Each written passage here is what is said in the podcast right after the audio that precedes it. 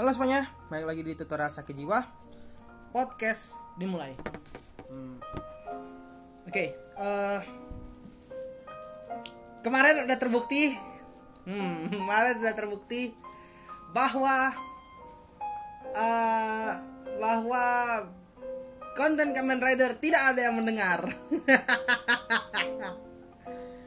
Jadi kemarin aku bikin eh, podcast Ramadan ya, eh, iseng-iseng, scriptless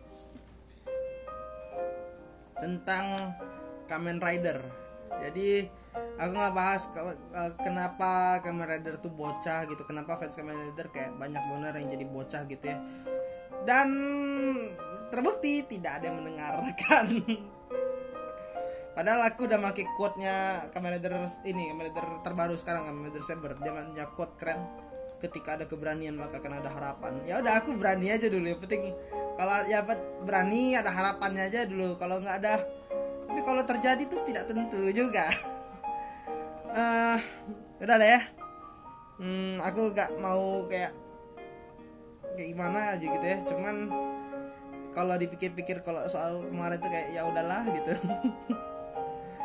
dan eh, apa ya aku pengen lihat updatean terbaru aja sih hari beberapa ini. Jadi kemarin tuh aku dapat file eh, ya lucu sih filenya tentang apa ya eh, bukan file sih lebih ke kiriman Instagram gitu ya. Eh, ada orang ngirimin aku.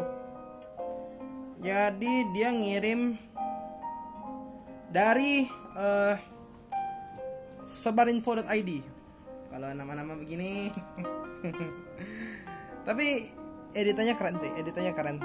Edit pakai Canva ini kayaknya. Ya. tapi ya udahlah. Hmm.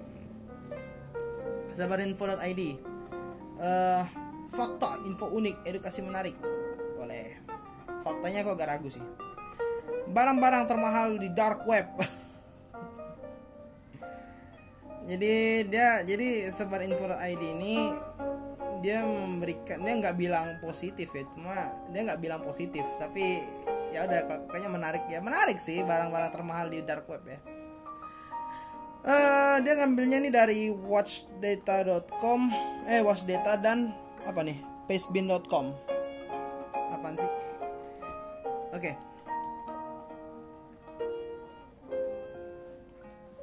Jadi untuk harga tengkorak manusia langsung tengkorak manusia tuh harganya 291 juta 793 ribu.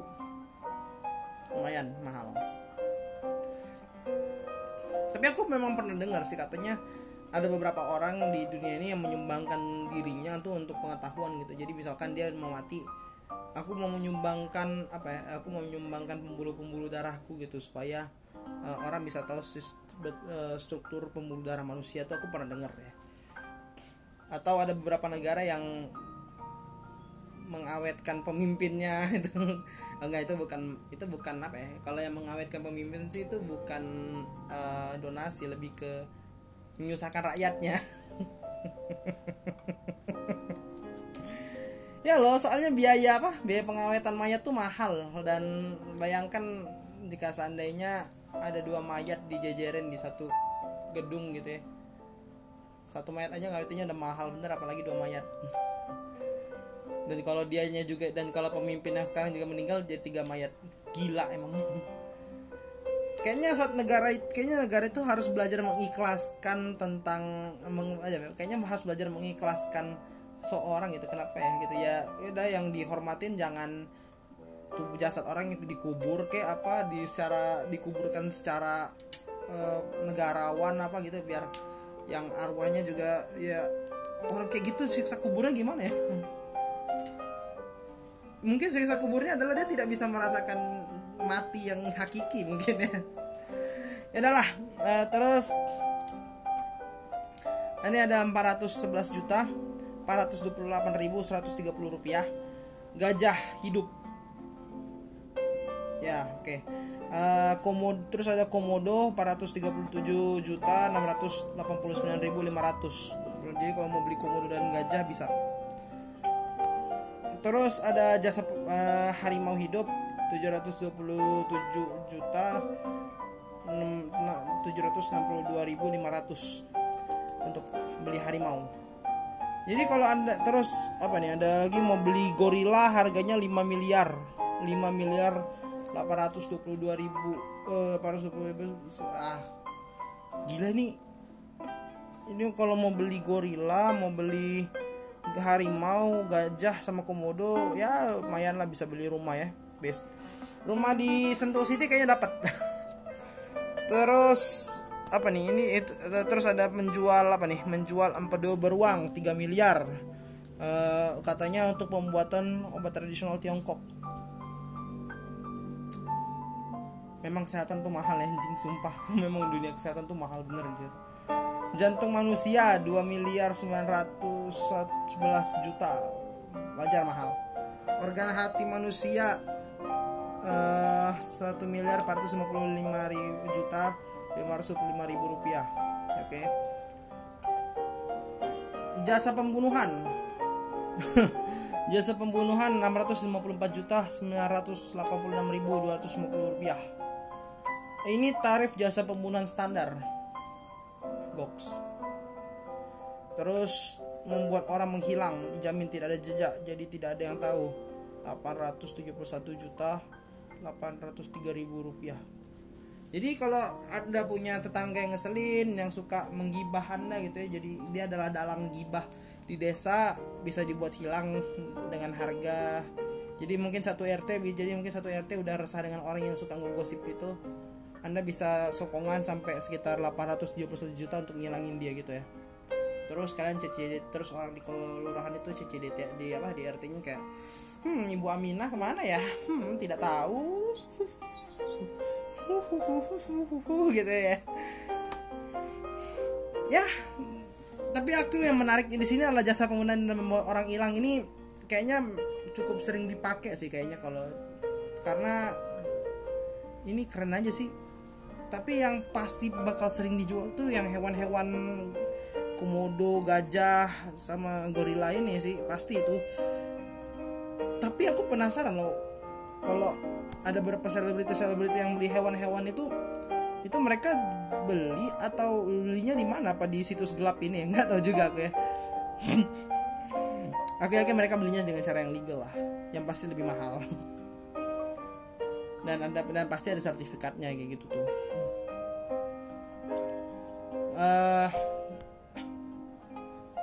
aku pengen apa lagi nih ada berita nih?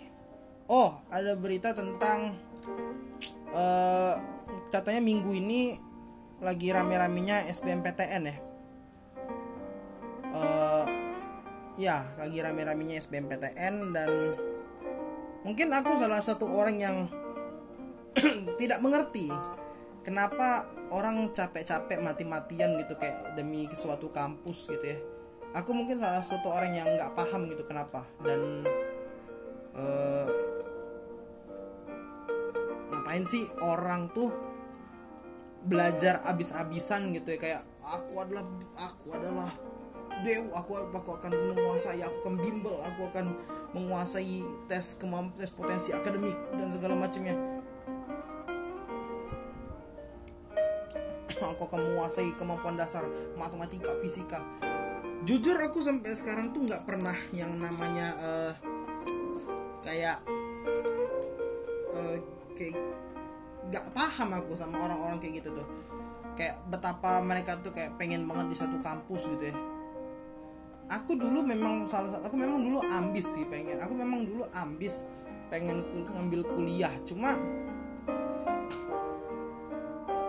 bukan orang yang uh, aku memang aku memang punya cita-cita pengen ngambil kampus gede tuh memang aku punya cita-cita. Cuma aku nggak pernah aku cuman heran aja demi suatu kampus gitu tapi demi satu kampus orang sampai nggak tau ya memang sekitar bulan awal dari Januari sampai Mei itu adalah bulan-bulan bulan-bulan apa sih namanya?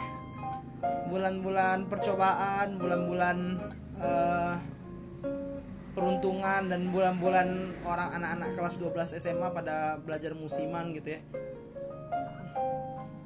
Ya aku nggak tahu. Aku uh, tapi aku nggak ngerti. Maksudku aku nggak ngerti kenapa orang sampai kayak habis mati-matian gitu ya. Padahal yang ngeraih mimpi tuh nggak harus dengan cara-cara kayak gitu sebenarnya sih. Ini adalah uh, aku merangkum dari zenius.net kita lihat apakah saya termasuk di dalam orang-orang ini.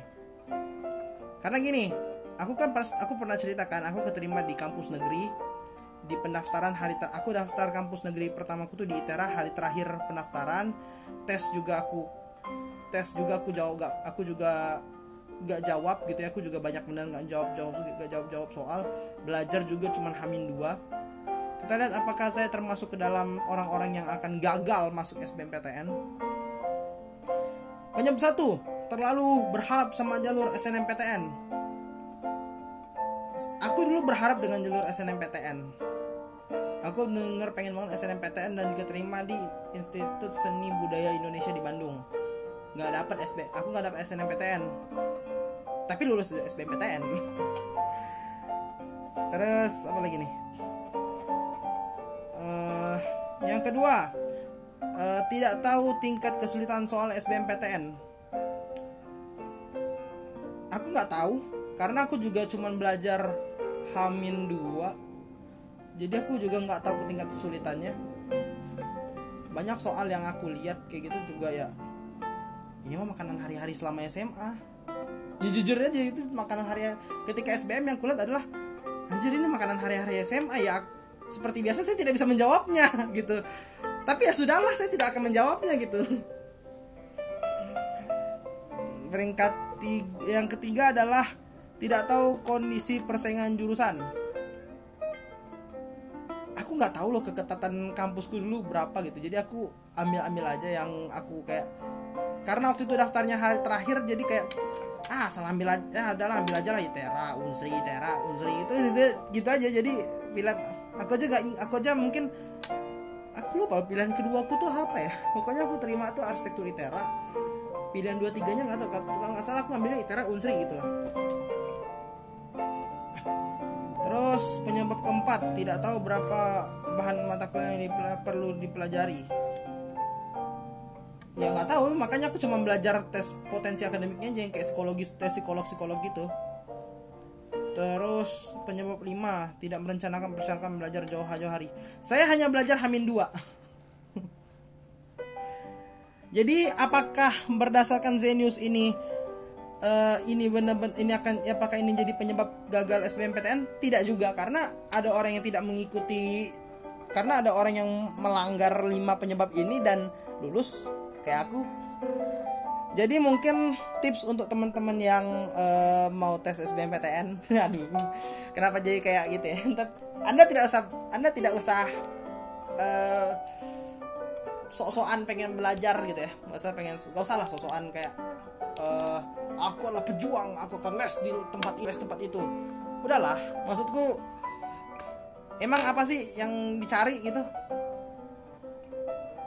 Pas keterima juga belum tentu bisa ngimbangin pelajarannya gitu kan. Kayak aku. Pindah kampus. Dan apa ya aku akui beberapa kali aku aku memang e, nama-nama kampus-kampus yang ditargetin orang tuh sekian banyak tuh emang cukup seksi namanya. UI, ITB, UGM gitu ya. Banyak lah pokoknya. Tapi e, kalau menurutku ya kalau dari kalau kamu kalau menang kalau kamu menangnya cuma dari nama kampus doang bukan IP-mu juga di bawah di bawah tiga kayaknya untuk apa deh gitu. Soalnya di dunia kerja juga orang uh, ya IP juga nggak nentuin juga sih. Maksudku gini nama kampus tuh memang something bad sesuatu yang hebat juga gitu. Tapi kalau kamu mati mat apa ya? Intinya sih yang aku mau bilang udahlah nggak usah nggak usah mau kayak oh, study holic kayak mau ambil intensif segala macam gitu udahlah. Dan uh, memang memang uh, sekolah kita tuh sekolah dan beberapa tempat les tuh memang memberikan kayak seolah-olah horor gitu. Wah tidak akan keterima kalau tidak belajar gitu kan. Ah bullshit lah. Serius bullshit loh. Dan aku ngebuk ya kalau emang mau dibilang bullshit kenapa aku bilang bullshit? Karena aku udah ngebuktiin tahun 2018 kemarin aku keterima tanpa belajar tanpa mempertimbangkan kemampuan segala macam ya keterima.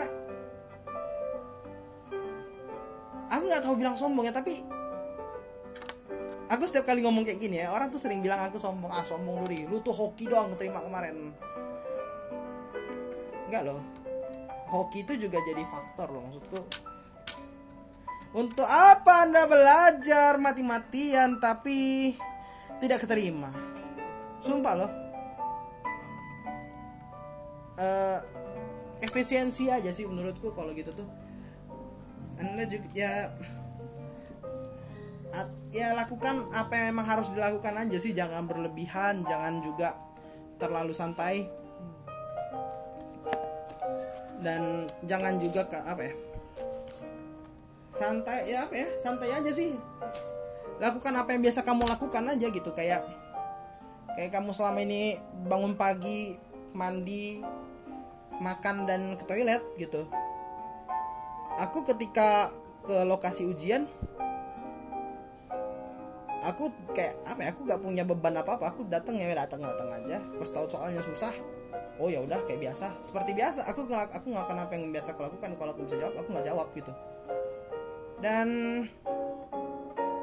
apa ya Tuhan tahu sih mana yang worth it untukmu gitu.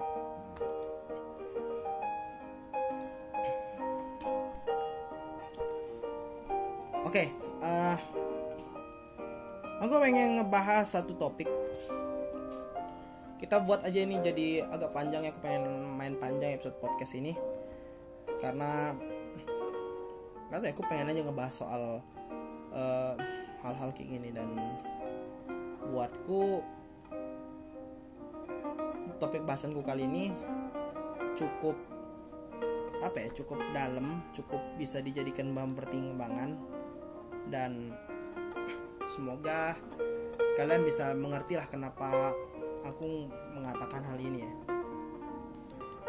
Jadi selamat datang di tutorial sakit jiwa episode jadi pecundang itu takdir. Uh, episode tutorial sakit jiwa ini uh, apa ya menurutku bakal jadi salah satu bahasan yang subjektif dan rentan dianggap egois gitu. Jadi aku memutuskan untuk gak ngambil narasumber karena aku agak ragu akan ada yang sis uh, apa ya aku aku ragu meskipun kita bisa setuju untuk tidak setuju tidak akan ribut ngebahas hal ini karena uh, aku bakal buat uh, topik bahasan ini jadi dua ya jadi dua part mungkin tapi aku pengen fokus ke diriku sendiri aja dulu karena menurutku jadi pencundang tuh takdir. Karena uh, gini kita definisiin dulu apa itu pecundang ya. Jadi pecundang tuh atau loser itu sebenarnya percaya atau enggak ya? Di setiap ekosistem sosial itu setiap ekosistem sosial tiap kita mau nongkrong atau segala macam itu selalu akan ada yang namanya uh, pecundang gitu dan apa ya dan pasti ada aja uh, orang di sosial gitu yang dijadiin bahan ceng-cengan di tongkrongan atau ada yang bahkan saking uselessnya di dalam suatu society itu dia sampai ngemis ke teman-temannya untuk eh ajak gue nongkrong dong. Ya salah satu contohnya adalah saya.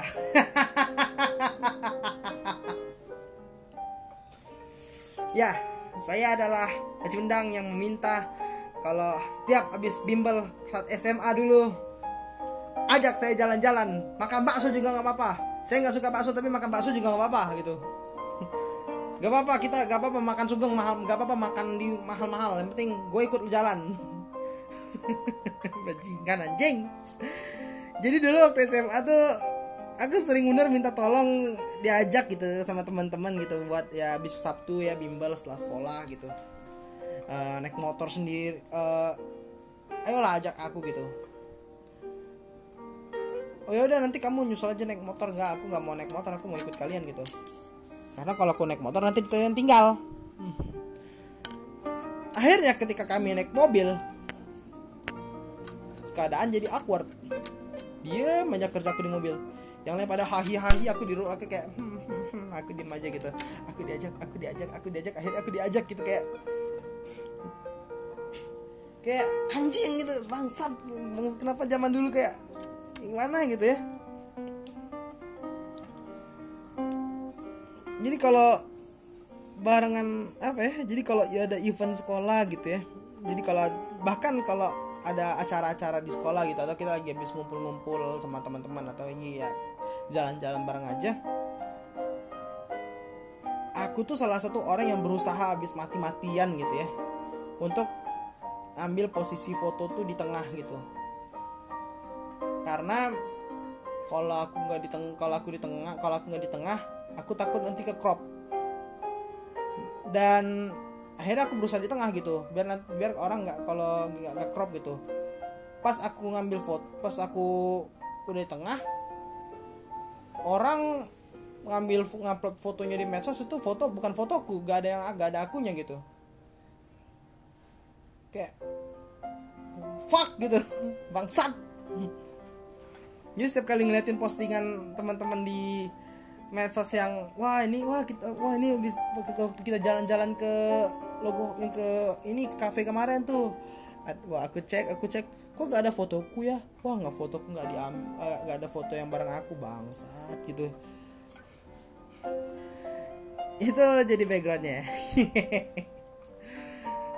Kembali ke topik kembali ke topik ya.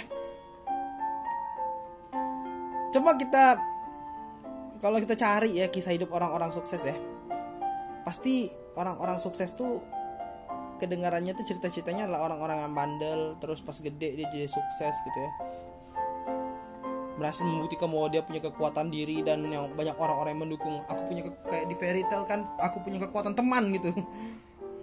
Atau kisah hidup orang baik yang tersakiti kan lalu dia punya teman-teman hebat yang dia menerima di lingkungannya karena sifatnya gitu.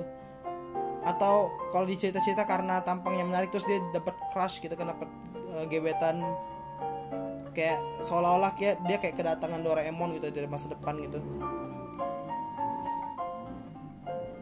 tapi kalau orang-orang yang dalam tanda kutip pecundang ini ya paling diceritanya tuh jadi antagonis atau jadi orang yang punya background pecundang gitu. Jadi kalau dia mati atau kalah penulisnya buat background hidupnya susah gitu. Tapi tetap aja yang komen-komen pembacanya tuh atau pembaca kalau aku lihatnya di webtoon sih mau dibuat sesedih apa pun kisah si pecundang ini kalau dia udah kena apesnya pasti disyukur-syukurin sama orang. Syukurin lu alhamdulillah gitu. Dan dan beberapa kisah-kisah di karya-karya gitu kalau mau bilang beberapa karya-karya yang ngisain tentang perjuangan hidup ya jujur aja aku nggak pernah relate dengan diriku ya. Karena kalau kita ngelihat kisah-kisah itu tuh pasti kayak cewek-cewek ada cewek-cewek dibully gitu. Pasti dibantu sama cowok gitu kan bantu sama seorang cowok. Pasti ceweknya tuh cakep gitu gak mungkin cowoknya tuh gak mungkin cowok tuh ngebantuin cewek ya kalau nggak ceweknya nggak cakep ya. Ya udah kita akuin aja gitu ke ada cewek yang dibully gitu kayak wah dibully terus ceweknya kayak gitu. Pasti yang ngebantuin juga teman-teman ceweknya juga itu pun juga karena alu annoying banget udah jangan nangis jangan nangis gitu nggak ada temen cowok yang tiba-tiba dateng kayak di sinetron sinetron kayak aku terluka? Kalau ceweknya jelek. Atau kayak uh, kayak di anime Exo World gitu yang uh, ada karakter utamanya tuh gendut gitu ya. Dia dibully terus dia ketemu sama ketua osis yang cantik gitu. Itu fiksi dan nggak mungkin terjadi gitu. Dan dan orang-orang di kayak gini di dunia nyata tuh ya cuman akan berakhir jadi pecundang aja gitu dan worst skenario nya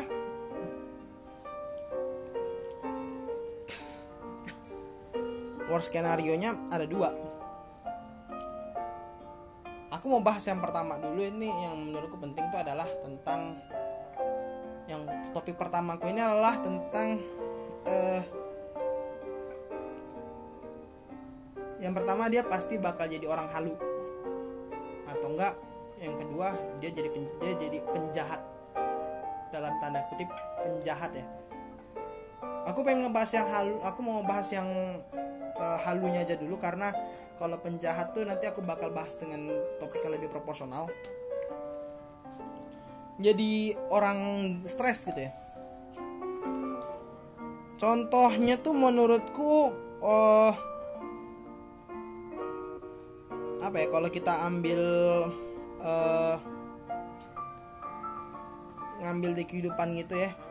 Dia jadi mat gitu jadi kayak mat gitu di dalam kalau di dalam dirinya tuh jadi mat gitu gila gitu. Aku ambil contoh di novel Joshua Joshua Tenggo ya karya Robert Wolf. It's a good novel I love that. Di novel itu nyeritain seorang anak bernama Marcel yang keriting jelek dia nggak bisa main bola sering diganggu teman uh, classmate-nya bukan teman karena nggak mungkin orang yang ngebully itu dianggap teman jadi dia lebih memilih pulang sekolah tuh memutar rekaman pertandingan sepak bola terus berhayal soal dia ada komentator bola kayak Valen kayak Valen jebret ya. Ya ini dia ini jebret! Gitu. Kan kayak gitu biasanya kan. Atau yang contoh simpel yang karya terbaru tuh kayak yang update-update nih tahun 2014 kemarin ada Amazing Spider-Man 2 ya. Kalau kalian ingat sama beberapa orang tuh inget scene matinya Gwen aja dah karena scene memang sedih. Gwen! Gitu. Tapi banyak yang lupa tentang si villainnya tuh namanya Max.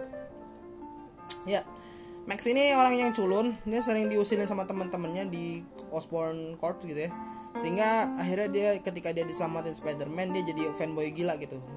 Uh, di kamarnya banyak foto Spider-Man terus dia sering halu banyak uh, banyak yang inget si Max ini cuman orang baperan dan jahat aja gitu. Kok kok pernah menyelamatkanku gitu kenapa kau bawa jahat pada aku Spiderman? Gitu ketika si itu jahat kan.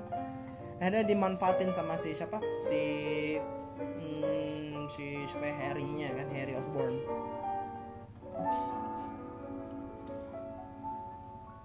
Di dunia nyata banyak kok orang kayak gini yang sering dibilang sakit gitu sama keluarganya karena ya halus sendiri gitu di kamar sambil main robot. Membayangkan kalau dia adalah pilot Gundam dan menyelamatkan dunia dari serangan alien itulah Fahri Duifan uh, maksudku gini menurutku orang-orang kayak Marcel Max atau yang halu jadi pilot Gundam tadi itu nggak akan jadi kayak gitu kalau dia nggak dapat lingkungan yang baik kalau dia dapat lingkungan yang baik gitu menerima dia apa adanya tulus gitu. Dan apa ya orang-orang kayak gini nih pada akhirnya cuma bakal jadi residu aja di dalam masyarakat dan it's something itu sesuatu yang buruk sih. Kita terkadang kita tuh lupa loh kata terkadang kita lupa bahwa kita tuh juga punya andil dalam menciptakan monster gitu ketika kita ignorance dengan orang-orang di sekitar kita gitu ya. Ada ego di dalam diri kita tuh untuk gak mau berteman sama seseorang yang dalam tanda kutip kita tuh gak asik ya.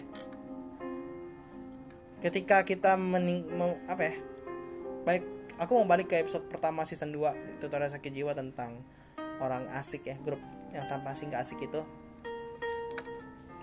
aku cuman kebayang aja sih worst skenario dari si nggak asik ini itu bakal bener-bener fucked menurutku. Karena orang karena ketika orang udah dicap nggak asik sama orang lain ya dia bisa yang pasti pertama dia akan kesepian gitu. Karena ketika seorang udah punya sistem berpikir bahwa seseorang tuh nggak asik maka dia nggak akan maka dia nggak akan mendekati orang yang dianggap oleh dia tuh nggak asik. Dan ini orang nih bakal ini yang dianggap tidak asik ini bakal kesepian gitu. Dan banyak hal yang terjadi lah ketika kita ngalamin yang namanya kesendirian gitu. Nggak punya teman.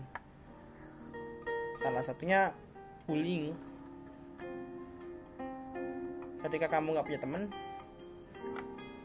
maka orang-orang akan ngebully kamu gitu ketika kamu gak punya teman kamu bisa jadi pribadi yang nggak nggak punya pembelajaran sosial gitu gak punya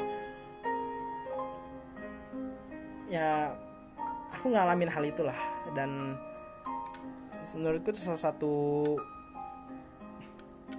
kegagalan apa ya kegagalan kegagalanku ketika aku masih masa muda gitu dan ketika aku masih SMA dan aku mau cerita aku mau har- harus aku akuin. Nggak punya temen. Nggak punya orang yang ngerti kamu. Nggak punya orang yang nggak ada orang yang eh, mau seenggaknya satu meja denganmu. Itu tuh kayak mimpi buruk anjir. Nggak per sebenarnya kita orang-orang kayak pecundang-pecundang ini mereka tuh nggak perlu yang namanya eh, teman yang tulus dan segala macam no, apa atau yang mereka soal membantu tuh mereka tuh sebenarnya nggak butuh itu mereka tuh minimal ada yang mau ada yang mau duduk di sebelah mereka aja ada yang mau duduk di sebelah mereka ada yang mau seenggaknya mendengarkan mereka sedikit gitu.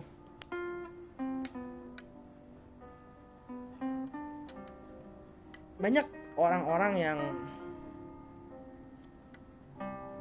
sorry amit-amit.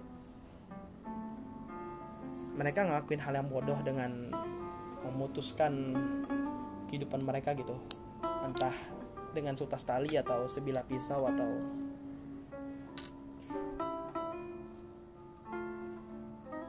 It- itu buruk menurutku. Ada beberapa dari mereka juga yang karena merasa bahwa masyarakat tuh kejam dunia tuh kejam akhirnya ngejadiin media sosial sebagai tempat pelampiasan kebencian mereka. Orang-orang yang diserang juga ya siapa pun gitu. Mereka nggak dap mereka nggak pernah bisa ngedapetin kemenangan di dunia nyata akhirnya mencari kemenangan kecil di, di dengan komentar-komentar kejam gitu. Banyak orang kayak gitu di medsos. Biasanya kayak gitu tuh juga minimal ada kemenangan kecil aja dari ketika mereka ngehujat seorang artis gitu ya terus di DM sama artisnya tuh mereka tuh kayak anjir dalam lubuk hatinya tuh kayak anjir gue di DM gitu sama dia gitu. Dan oh my god itu kayak ya ampun ya oh shit lah gitu itu itu kayak itu tuh kayak lingkaran setan gitu. Maksudku kayak karena orang karena ada so- orang ini nih kita tuh nggak mau ada orang jahat di dunia ini. Kita tuh nggak mau ada orang yang depresi di dunia ini. Tapi kita sendiri juga secara tidak langsung membuat orang depresi dengan menolak keberadaan orang lain gitu. Itu tuh di mana kita harus stopnya tuh nggak ada gitu karena kita gerak dengan ego kita sendiri gitu. Yang merasa sendiri ini egonya juga tinggi kar egonya juga ada egonya juga karena dia merasa bahwa dia nih yang dia ini menderita gitu. Akhirnya dia ego karena dia punya karena apa ya karena dia merasa bahwa dunia ini nggak fair sama dia akhirnya dia punya ego untuk membuat kalau dunia ini kalau kalau memang dunia ini nggak fair sama aku aku juga nggak aku juga boleh dong nggak fair sama orang lain gitu. Terus kita kita sebagai orang-orang yang pada umumnya ada ego kita ketika melihat ada orang yang nggak pantas untuk ditemenin kita langsung kayak oh udahlah gitu. Gak asik nih orang. Udahlah nggak usah ikut nggak usah temenan sama dia nggak asik gitu. Ah wah ah sini. Udahlah cepu dia gak enak teman-teman sama dia juga. Paling kerjanya kayak gini kayak gini kayak gini. Emang mau emang mau diajak obrolan apa sama dia? Gak ada obrolan-obrolan juga. Saya sama aku kata-kata kayak gitu tuh banyak benar kebencian di dalamnya anjir. Banyak benar ego di dalamnya dan buatku itu udah sakit. Dan itu mungkin itu bisa dibilang sakit jiwa tuh itu. Aku buat ini jadi dua topik aja karena menurutku bahasan soal ini cukup personal. Nanti kita lanjutin lagi eh, nggak aku yakin aku aku bakalan ngeluarin ini nggak akan ja- berjarak dua minggu nggak aku bakal sesegera mungkin aku bakal update part 2 nya dengan ya aku usahain juga aku dapat bintang tamu lah untuk membahas soal yang kedua karena ketika kita dipencundangin dalam hidup gitu ya dibul menurutku dan kamu jadi penjahat gitu ya. Buatku itu juga itu harus dibahas yang detail banget. Aku nggak kalau aku nggak berani ngomong kalau aku ngomong yang aneh-aneh bisa habis gitu. Ya udahlah. Aku tutup aja podcastku hari ini. Makasih banyak yang udah dengar. Semoga kalian semua baik-baik aja. I hope you guys fine sampai ketemu di episode berikutnya. Podcast ditutup